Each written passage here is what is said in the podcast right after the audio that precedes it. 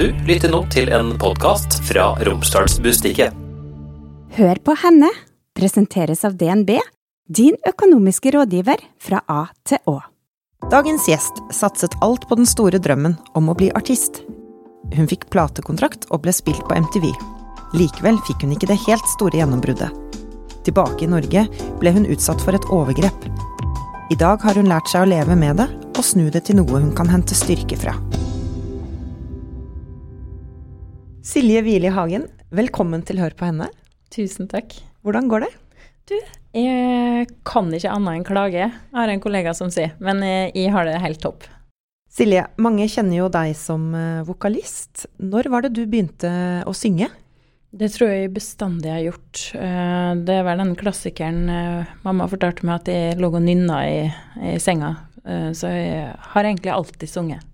Hvordan eh, dyrka du den her eh, sanginteressen din når du vokste opp i Molde? Oh, eh, jeg stengte døra til rommet eh, og satte på CD-spilleren. Ja, så gammel er jeg. CD-spilleren og sang til alle favorittene mine, og det varierte fra Alanis Morissette til Beyoncé til eh, Enya. Den første drømmen var å få lov å, å synge for mange mennesker. Jeg husker jeg, lagde meg en verden hjemme på rommet. Stengte døra og lata som at gardinene mine var et hav av publikum. Eh, senga mi var liksom scena, og denne tradisjonelle hårbørsta som mikrofon. Og så lot jeg det stå til. Og du melder deg jo på etter hvert i sangkonkurransen Idol.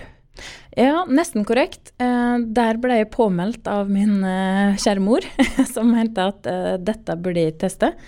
Eh, jeg hadde ikke noe konsept om eh, hva Idol var. Det var jo første året i Norge. Eh, 2003 ble det spilt inn, og 2004 gikk det på skjermen. Jeg satt med i bilen sammen med mamma og kjørte oppover til Trondheim på audition. Og hvordan gikk det egentlig i den eh, konkurransen? Det var forferdelig mye venting, og det var veldig tydelig at de var opptatt av å gjøre oss nervøse. Eh, mye sånn inndeling og separasjon og, og venting på tur. Men når jeg endelig fikk komme inn og synge, eh, så brast det veldig ut fra Jan Fredrik Karlsen at det er beste jeg har hørt så langt. så det var gøy. Og etter du er ferdig på videregående i Molde, hvor går ferden videre da? Du, eh, da hadde jeg jo allerede fått eh, platekontrakt eh, for første gang. så turen gikk til Oslo, og der måtte jeg inngå et kompromiss med foreldrene mine. For jeg fikk ikke lov å bare reise dit og ikke gjøre noe, så jeg tok et år musikk ekstra på en skole som jeg valgte utelukkende fordi den lå Oslo nært. Og så satte jeg i gang og gikk i studio, da. Da var jeg på et plateselskap som heter The Works. Hva, hva skjer videre? Det som skjer, det er at eh, det er koker ganske greit i musikkbransjen. Eh, bransjen er på vei ned. Altså Napster, nedlastning. Eh, inntektene i bransjen forsvinner. Det blir mer og mer viktig å være tilgjengelig på streaming, og det er gratis. Altså, når jeg starta og skulle satse karriere, så fikk jeg jo forklart at eh, musikkvideo skal koste så og så mange hundre tusen. Eh, du får utbetalt sånn og sånn når du signer. Eh, det var mye økonomi rundt det, da. Og hvis du liksom Det gikk, var en sånn gjengs forståelse av at å, Silje har fått platekontrakt, da er hun blitt rik. Det var jeg ikke. Snarere tvert imot. Eh, Så starta jo jobben med å på en måte skaffe til veie finansiering, slik at jeg kunne lage den musikkvideoen og spille inn de låtene og få fram den ene singelen, da. Og den prosessen var lang. Eh, Jeg var gjennom flere forskjellige platekontrakter og satt i hermetegn på tur og venta på at det var eh, strategisk riktig å release med. Og det var flere andre artister i samme sjanger som meg. Jeg hadde liksom en stemme som ble forklart som, som veldig soulful, eh, og ergo så var det enkelte menn i bransjen som mente at det ikke var eh, Det var ikke troverdig at jeg var en eh, hvit syngedame som gjorde det jeg gjorde. Så jeg måtte vente til eh, mine kollegaer da hadde gitt ut sine ting, så ikke vi skulle konkurrere mot hverandre. Årene gikk, og i forsøket på å på en måte finne den unektelige hiten, så gikk turen til London eh, flere perioder, og USA. Da bodde jeg perioder i New York. Um, jeg var en lang periode i Atlanta. Og så ble det visuelle spilt inn i Nevada-ørkenen utenfor Los Angeles. Og hva var drivkraften din? Hva gjorde at du på en måte sto på eh, og jobba for gjennombruddet? Ah, drømmen. Altså når du går og bærer på den der eh, drømmen om å få lov til å stå på ei scene og synge. Eh, musikk er jo følelser, og jeg følte meg eh, så bra når jeg kunne synge og se at det hadde en innvirkning på dem rundt meg. Så jeg blei veldig fort glad i dette med live. Altså, dette starta jo tilbake i Molde. Eh, jeg var heldig. Eh, traff personer som slapp meg til på livescenene eh, tidlig. Så jeg lærte meg å synge live med rockeband, med popband, i trio. Eh, fikk testa masse. Og var rimelig selvsikker når jeg gikk inn i studioboksen og skulle legge vokal. Så, så drivkrafta var vel det å få synge live. Og i USA så tar du artistnavnet Micelia. Hva slags dame var det? det var sånn at alle har sine alter ego. Um, Micelia. Um, det skulle jo uttales Silje. okay. Amerikanere, eh, hvis du legger Silje staver på sånn som vi gjør det foran en amerikaner, så ville han si Silj. Eh, da fikk jeg stopphels. Så sa jeg hva kan jeg gjøre for at du uttaler det, Silje? Ah, hvis du sier vi har et navn som heter Celia, men da var det med C. Så sa jeg kan jeg være så snill å beholde S-en min? Ja ja, det kan du. Og da sa de med Silje. Kommer hjem og skulle satse, ja, Miss Celia. jeg bare nei. Men så har jeg på en måte bare lært meg å like det. Nå er det blitt den derre Hvis de er litt sånn ekstra hissige eller sint eller sånn, å, kommer hun med Celia, ja. så det er vel den derre litt sånn ekstra mm, hissige, entusiastiske, ja, uredde alter egoet. Og Micelia var vel også en ganske lettkledd eh, type? Det var hun. Eh, det er hun. en av de første spørsmålene jeg fikk stilt når jeg skulle satse, var hva er du villig til å gjøre image-wise? Og det er jo sånn som kanskje ikke står seg i tid, når du ser tilbake på det i dag. Det, jeg vil understreke det. Jeg gjorde aldri noe som jeg ikke kan stå for i dag. Men jeg ville gjort det annerledes i dag, nå som jeg vet at det er ikke noe likhetstegn mellom å være sexy og å få rekkevidde ut mot publikum. Snarere så blir du nesten litt sånn at du fremmedgjør en del av lytterne dine, fordi eh, ting kan bli ja, drøyt, da. Jeg takka jo ja til en del spilleoppdrag som eh, artistrepresentantene mine sa var lurt.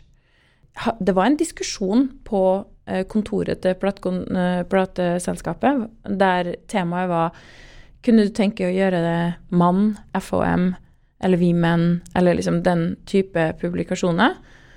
Jeg husker at jeg satt streken 'Jeg gjør ikke Vi Menn'. um, men um, ingen eh, disrespekt til dem som har eh, gjort det. Uh, det var bare at der kjente jeg at jeg hadde ikke noe lyst til å ligge i den samme fiskenettingen som Anette fra Tønsberg på 18 hadde gjort 14 ganger før.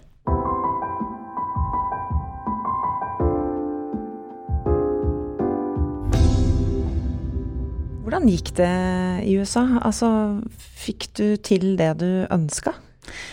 Eh, ja, jeg må, jeg, jeg må, si det at tida mi i USA eh, har nok vært eh, peak, altså. Da elsker jeg livet. Amerikanere er veldig sånn at når de oppdager at du har et talent, så er de slik at å, eh, jeg kjenner denne den, la meg hjelpe deg. Um, litt sånn anti-jantelov. Fordi at bak det så ligger det at hvis jeg er den linken som gjør at hun lykkes, så får jeg være med på, på det. Da dras jeg med i den suksessen. Istedenfor å tenke at 'å, oh, hun er flink, hun må hindre', eller eh, 'hun kommer til å ta noe fra meg', eller sånn. Eh, så eh, det ene førte til det andre. Det var veldig kjapt etter at jeg kom til USA, at dørene åpna seg. Det starta allerede hjemme i Norge veldig, veldig tilfeldig. Var på Rockefeller på en konsert med Acon. Han var ferdig å spille, og vi var en gjeng som samla oss eh, backstage. Og så satt ene vakta hans og spilte på det pianoet som står backstage der. Og så drev han og jamma på noe Alicia Keys, så jeg sang. Og da kommer Acon bort til meg, og så tar han telefonen min, så putter han inn telefonnummeret sitt, så sier han If you're ever in Atlanta, give me a call. og så tilfeldighetene hadde det. At et halvt år seinere så var jeg eh, først i Chicago, og så skulle jeg til ei venninne mi i Atlanta. Eh, og sannheten bak det var at jeg reiste til Chicago til han jeg var sammen med da, men så dumpa han meg. han venta til Takk for den, Ja, altså. takk for den. Eh, han venta at jeg kom over eh, dit med å dumpe meg, så da dro jeg litt sånn eh, heartbroken ned til Atlanta, og det er jo beste beslutninga jeg har tatt. For eh, sitter der da i pysj sammen med venninna mi. Eh, Med en sånn der Hagendas iskrem og syns synd på meg sjøl og syns livet er dritt. Og så sier jeg oh, by the way, uh, jeg har nummeret til Acon. Du har hva for noe? Ja, han sa jeg skulle ringe hvis jeg var i Atlanta. Skriv melding, da! Og så sendte jeg melding. Og så ringer han opp, og så sier han eh, ja, hvor er du? Og så, og så sier jeg hvor er vi, ja? Ja, denne, den den adressa. OK, I'll have a car in 20 minutes. To jenter i historien har aldri ordna seg så fort som det vi gjorde da. Da var det NM eller eh, VM i sminking og hårkrølling og antrekkskifte, og det, sto, det var en sånn virvelvind av, eh, av eh, sminke og hårspray. og 20 minutter etterpå så sto det en diger stretchlimo som det sto 'Convict Music' på sida. Så kjørte han oss først i studio og hvor i la vokal for en artist eh, som han hadde i stallen sin, som heter Colby O'Donis. Det går jo fort når det går fort, eh, så tra det tracket ble miksa eh, på, på stedet. Så ble det dratt over i en minnepenn, og så kjørte vi videre til en nattklubb der det var release-party for Didi sin Ciroc-vodka.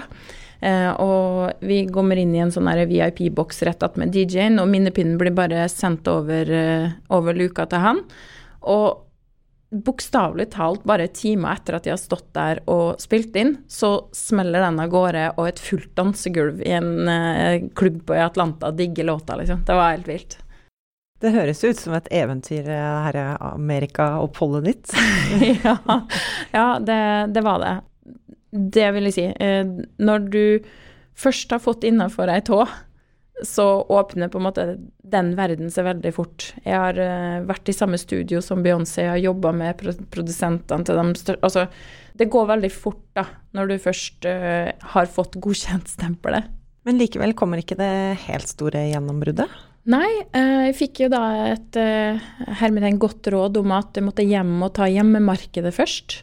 Så jeg dro tilbake til Norge og øh, venta da på, på, alle opptakene som jeg hadde gjort i løpet av det året som jeg hadde jobba med musikk. Um, og så gikk det først én måned, og så gikk det to måneder, så kom, det, og så kom liksom aldri mastertapen tilbake til Norge. Så bare tenkte jeg, hva er det som skjer? Og det som skjedde veldig kort fortalt, Vera, det var at uh, jeg hadde et samarbeid med managementet mitt der vi skulle gå sammen om å finansiere da, innspillingene, slik at ikke plateselskapet skulle måtte betale for det. Da slapp vi unna å måtte recoupe, altså betale tilbake forskudd eventuelt, men at vi leverte et sånt fiksferdig produkt. Og der hadde jeg investert alle sparepengene mine, og vel så det. Og de pengene var brukt til helt andre formål. Så produsentene jeg hadde jobba med, var rett og slett ikke blitt betalt. Og dette fant de ut. De prøvde å ringe eh, direkte til dem, og det var jo egentlig no-no. Det skulle jo gå gjennom managementet, og den ene etter den andre personen ville liksom ikke snakke med meg.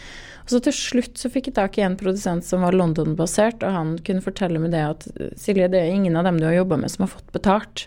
Så du, du, kan bare drømme om å få utlevert noe mastertape.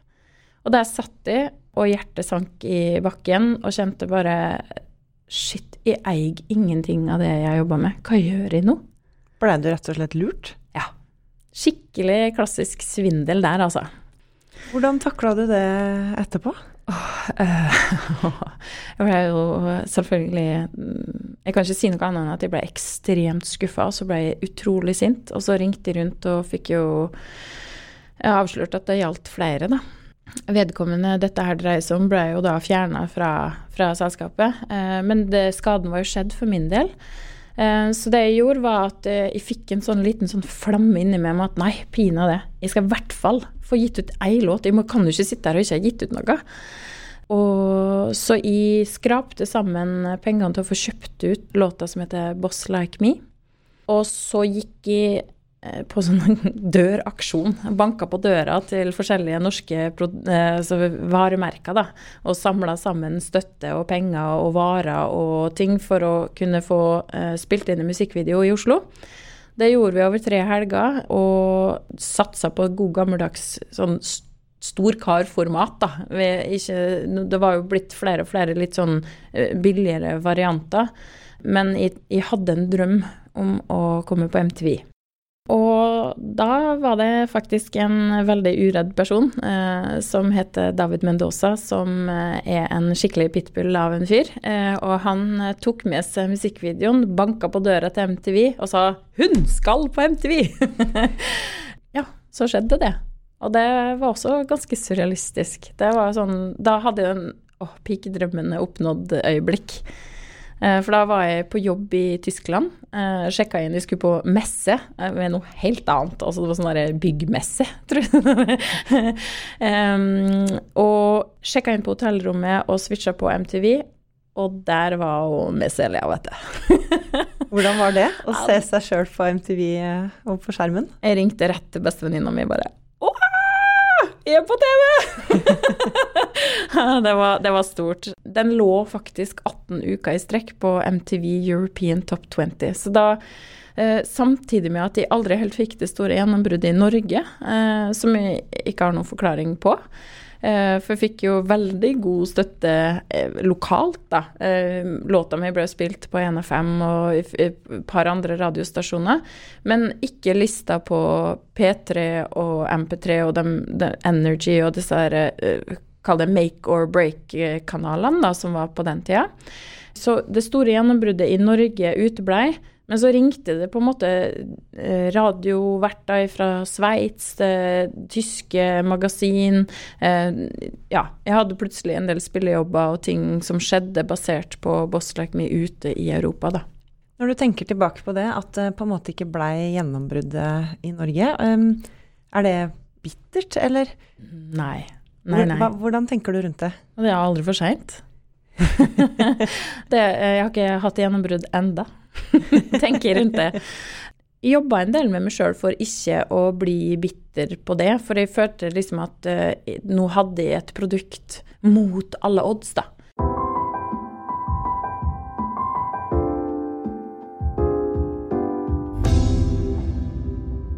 Når du da er tilbake i Oslo, um, lever du da av musikken?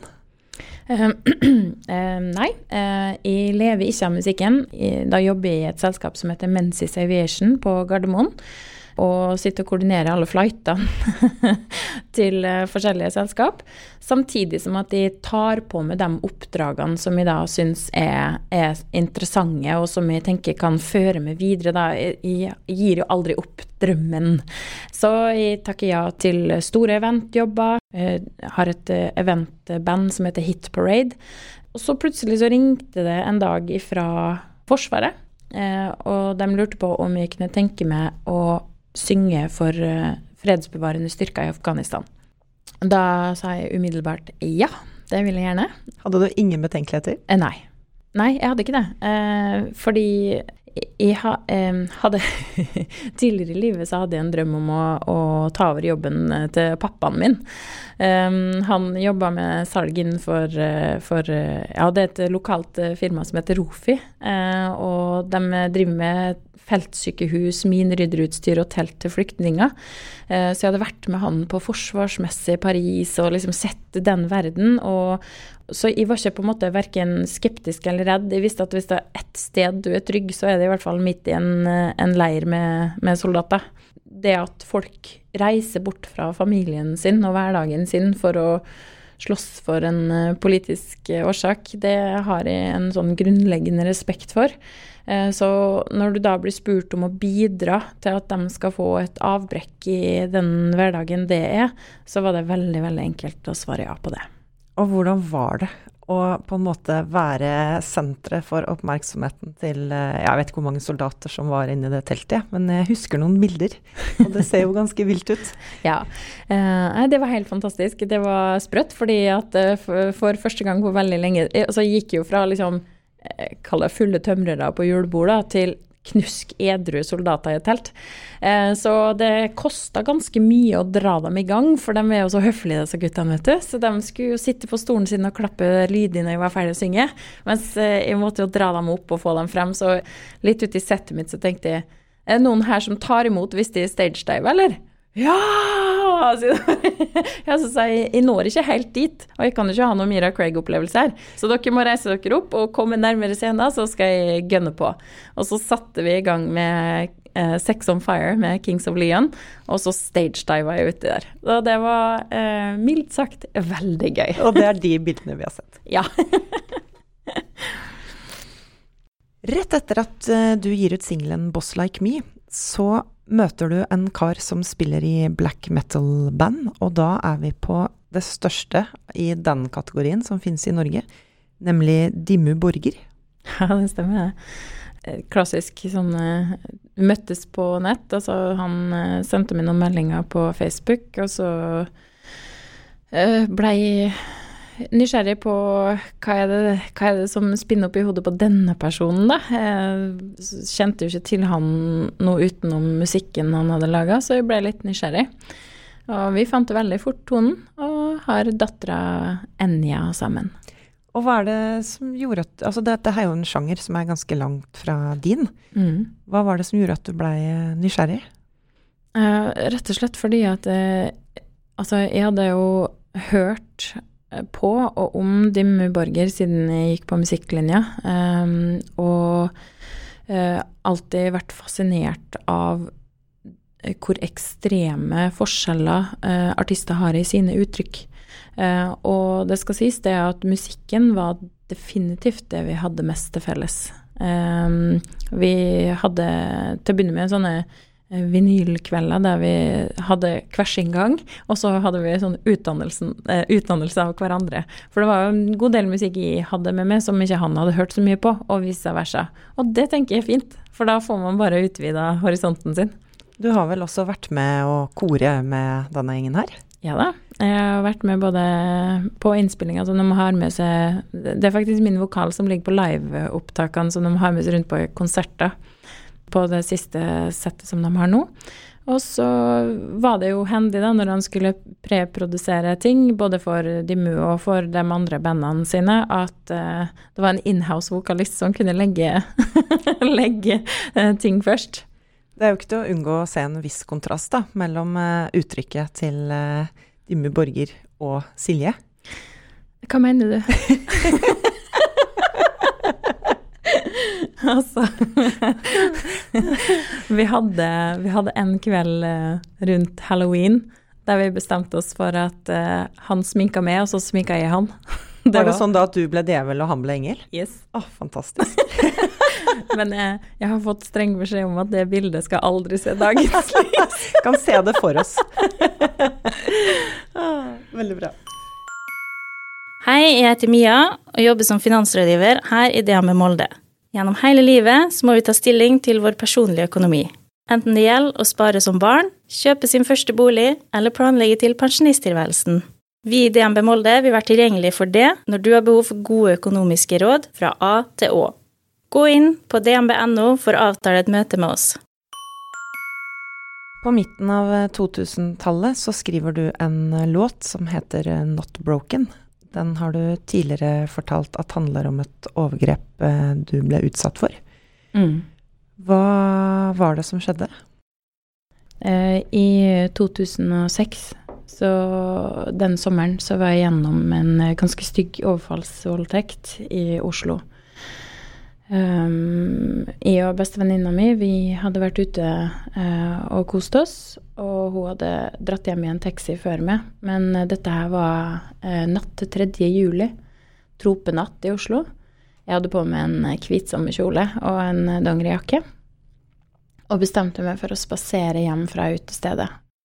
Spaserer opp forbi eh, Slottsparken, og så får jeg plutselig bare et eh, slag i bakhodet. Og det neste jeg merker, er at det på en måte er en, eh, en person som er over meg, og jeg kjenner noe metall eh, mot kroppen min, og, og tror først det er kniv, eh, og at jeg blir knivstukket. Jeg husker jeg tenker nå, nå dør jeg. Nå er det over, på en måte. Eh, og det neste jeg hører, er på en måte lyden av at det eh, klippes. Altså, eh, for det var ikke en kniv, det var ei saks. Og så er det en stemme som på en måte forteller meg at fordi du kler deg som ei hore, så skal du nå bli behandla som ei.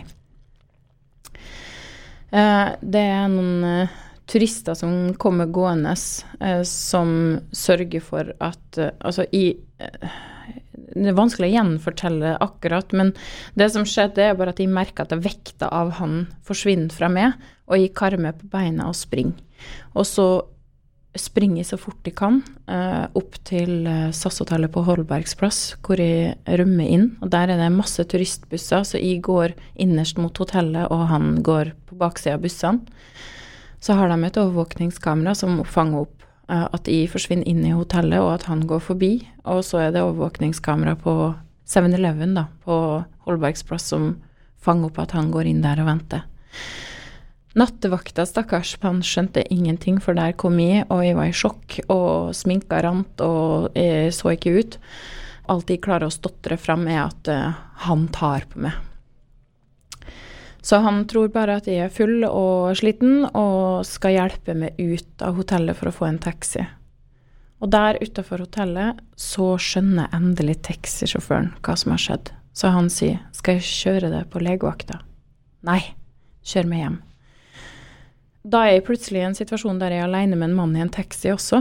eh, og jeg husker jeg tenkte at nå må ikke han se hvor jeg bor. Så jeg ber han kjøre en liten runde opp mot Bislett stadion og ned tilbake igjen bak byggene dit jeg bodde. Og så er jeg plutselig alene hjemme, og er jo, nå er det jo midt på natta, så jeg får ikke tak i noen av dem som på en måte tradisjonelt kunne hjulpet meg, som har gått og lagt seg. Så jeg ringer en kompis som er ute på byen, og han og en venn kommer og ja, bærer meg ut og inn på legevakta på voldtektsmottaket der for å få dokumentert det. For der eh, har jeg bestemt meg i sjokket at jeg vil eh, gjøre alt jeg kan for at eh, dette her skal bli eh, oppklart, da. At jeg vil anmelde det. Å, dette er tøft å snakke om, eh, Silje. Ja. Um, hvordan blir du tatt imot på, på legevakta? Um, det er en gjeng med engler som jobber der. Det var som å bli tatt imot av en haug med mødre. Eh, for tilfeldighetene var at mor mi hun var hos tanta mi på besøk, og faren min, eh, som på den tida bodde borte, han, han var på festlig lag.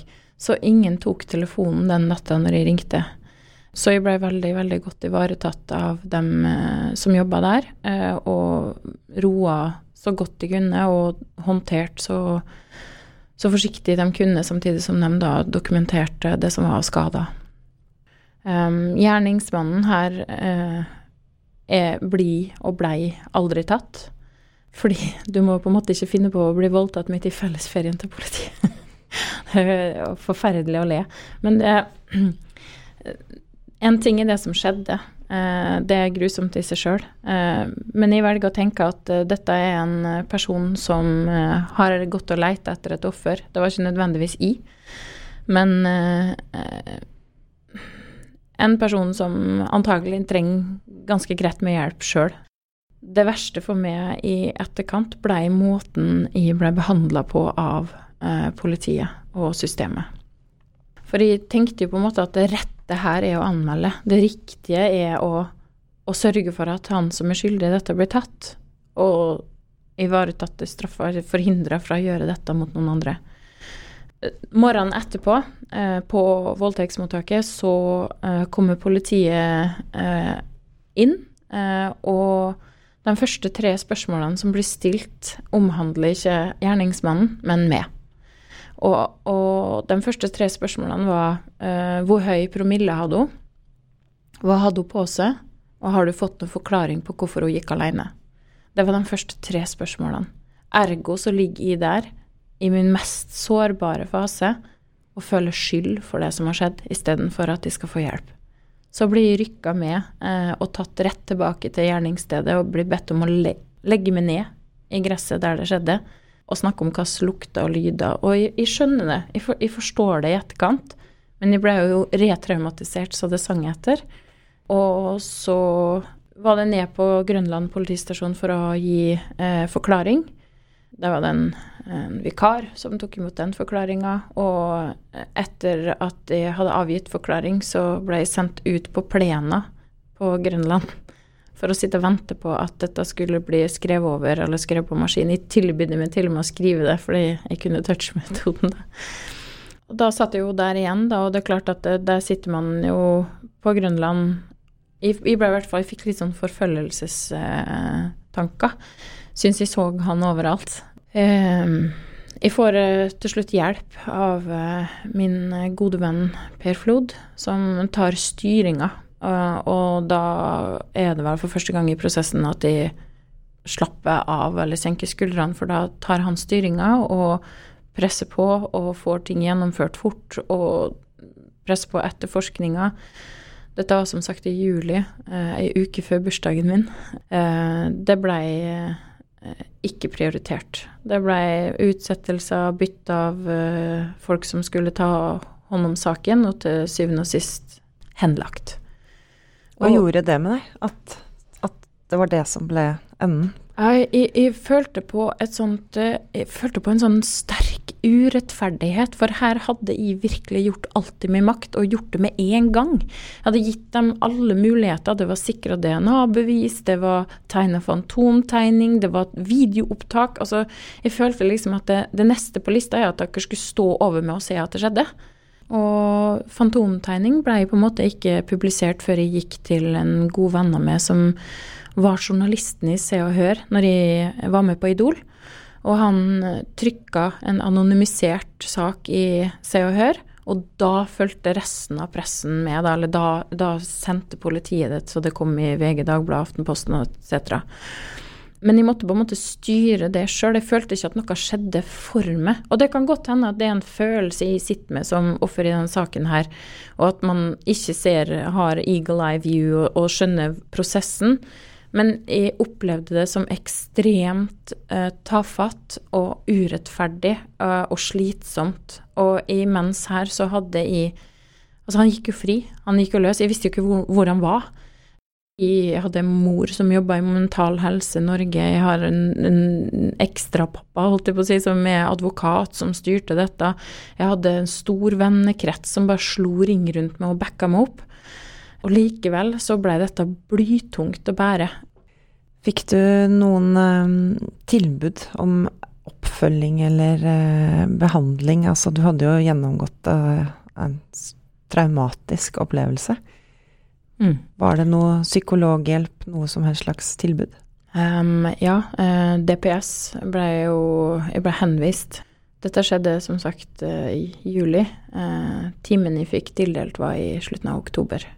igjen tok Per Flod grep og fikk meg inn hos en traumepsykolog privat umiddelbart. Så jeg har mye å takke han for.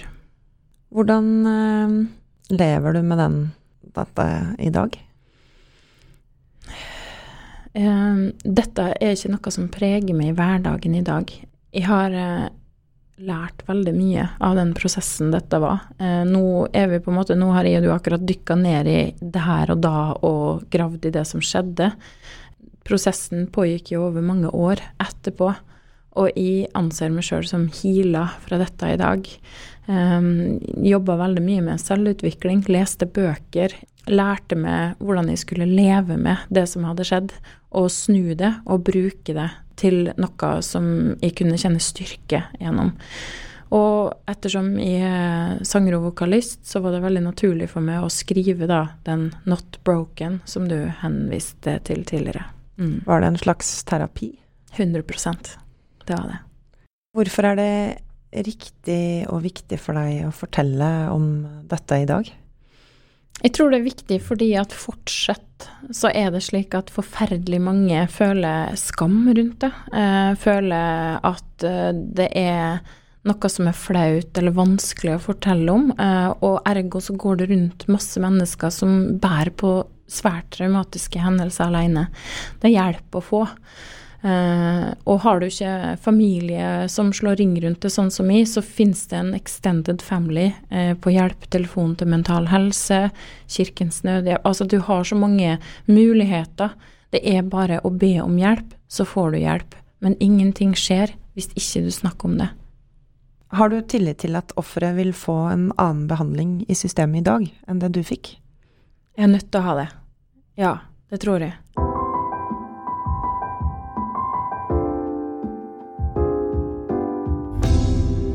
Etter mange år i Oslo så bestemmer du deg for å flytte hjem eh, til Molde. Hva var det som gjorde at du ville tilbake til hjembyen? Og det var en eh, kombinasjon av mange ting, men det som var utslagsgivende, var nok eh, at pappaen min var veldig alvorlig syk.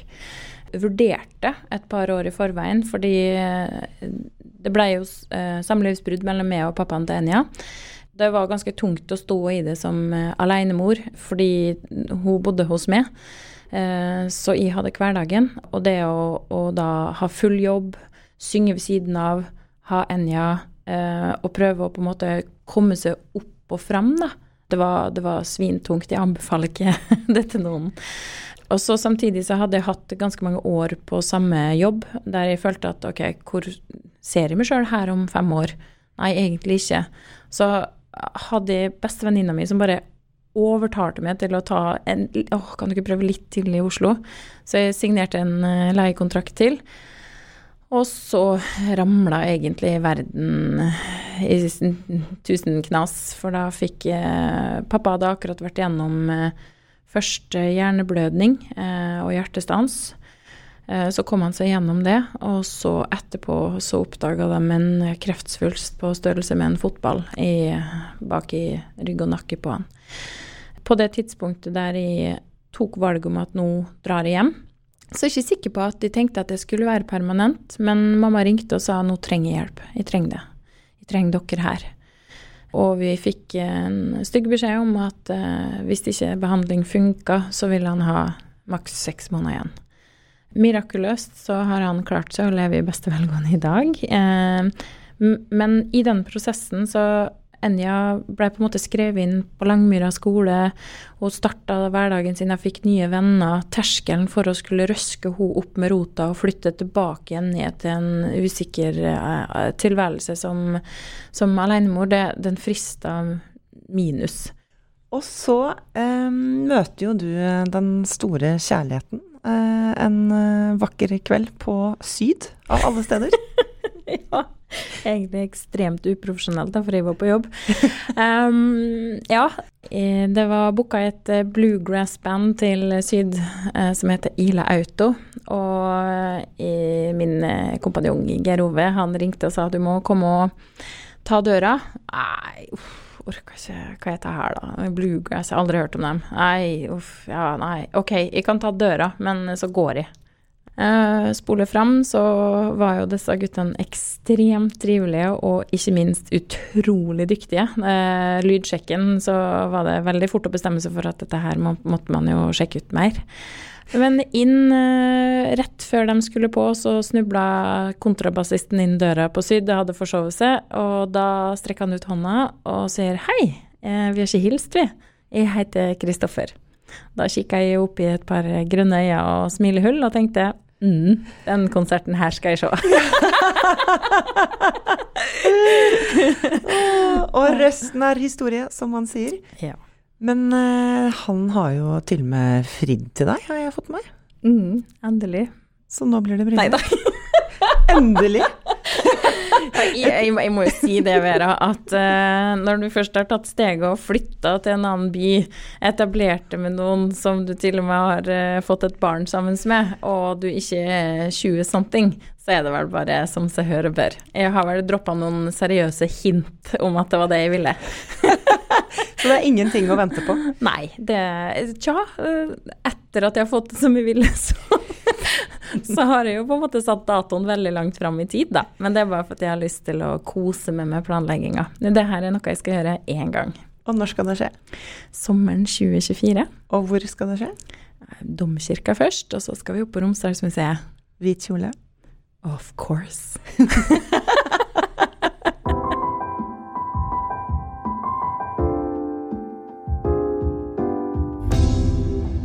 På hjemmebane så har du jo nå to barn.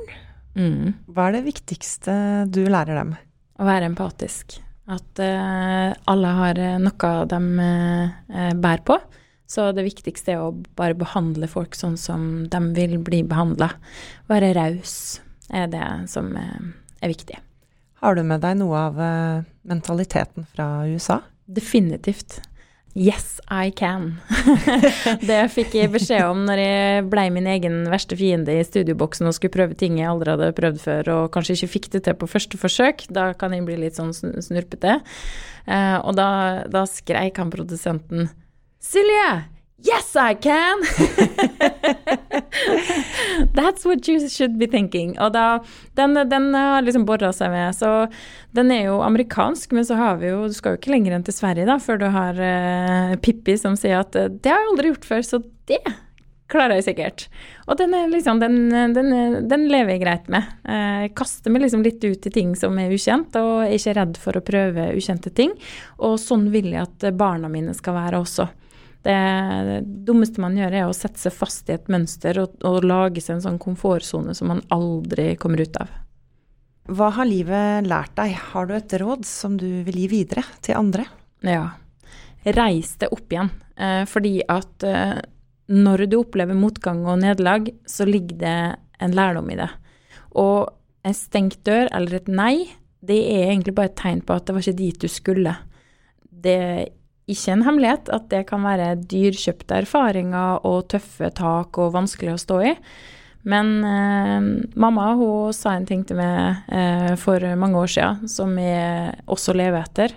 Så at eh, det er mye klokt å lære seg på bunnen, altså rock bottom. Men det betyr ingenting hvis ikke du kommer tilbake til overflata og tar i bruk det du har lært. Og har du en kvinne i livet ditt som eh, har betydd mye for deg? Eh, ja, jeg har flere. Jeg samler på gode mennesker. Så jeg har en sirkel av kvinner som inspirerer meg, og som jeg lærer av. Og den eh, blir stadig utvida. Men å si, ei spesiell, det blir vanskelig her i dag, fordi jeg ser opp til så veldig mange. Så det er mer en gjeng? Ja, egentlig.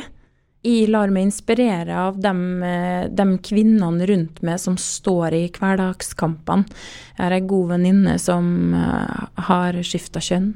Jeg har ei god venninne som er sånn treningsgründer. Jeg har bestevenninna mi som er dobbel norgesmester i fitness. eh, Og som aldri turte å gå i bikini på stranda når vi møttes. Så, og det er sånne, sånne kvinner eh, får jeg gåsehud av. Silje Hvile Hagen, tusen takk for at du var gjest i Hør på henne. Takk for at jeg fikk være her. Hør på henne er laget av Romsdals Bustikke. Produsenter er Stian Viken og Hanne Fleischer. Mitt navn er Vera Henriksen. Har du ris, ros eller innspill til gjester? Send meg en e-post på henne-r-b.no Følg oss også gjerne på Instagram, så håper jeg vi høres snart. Hør på henne presenteres av DNB, din økonomiske rådgiver fra A til Å.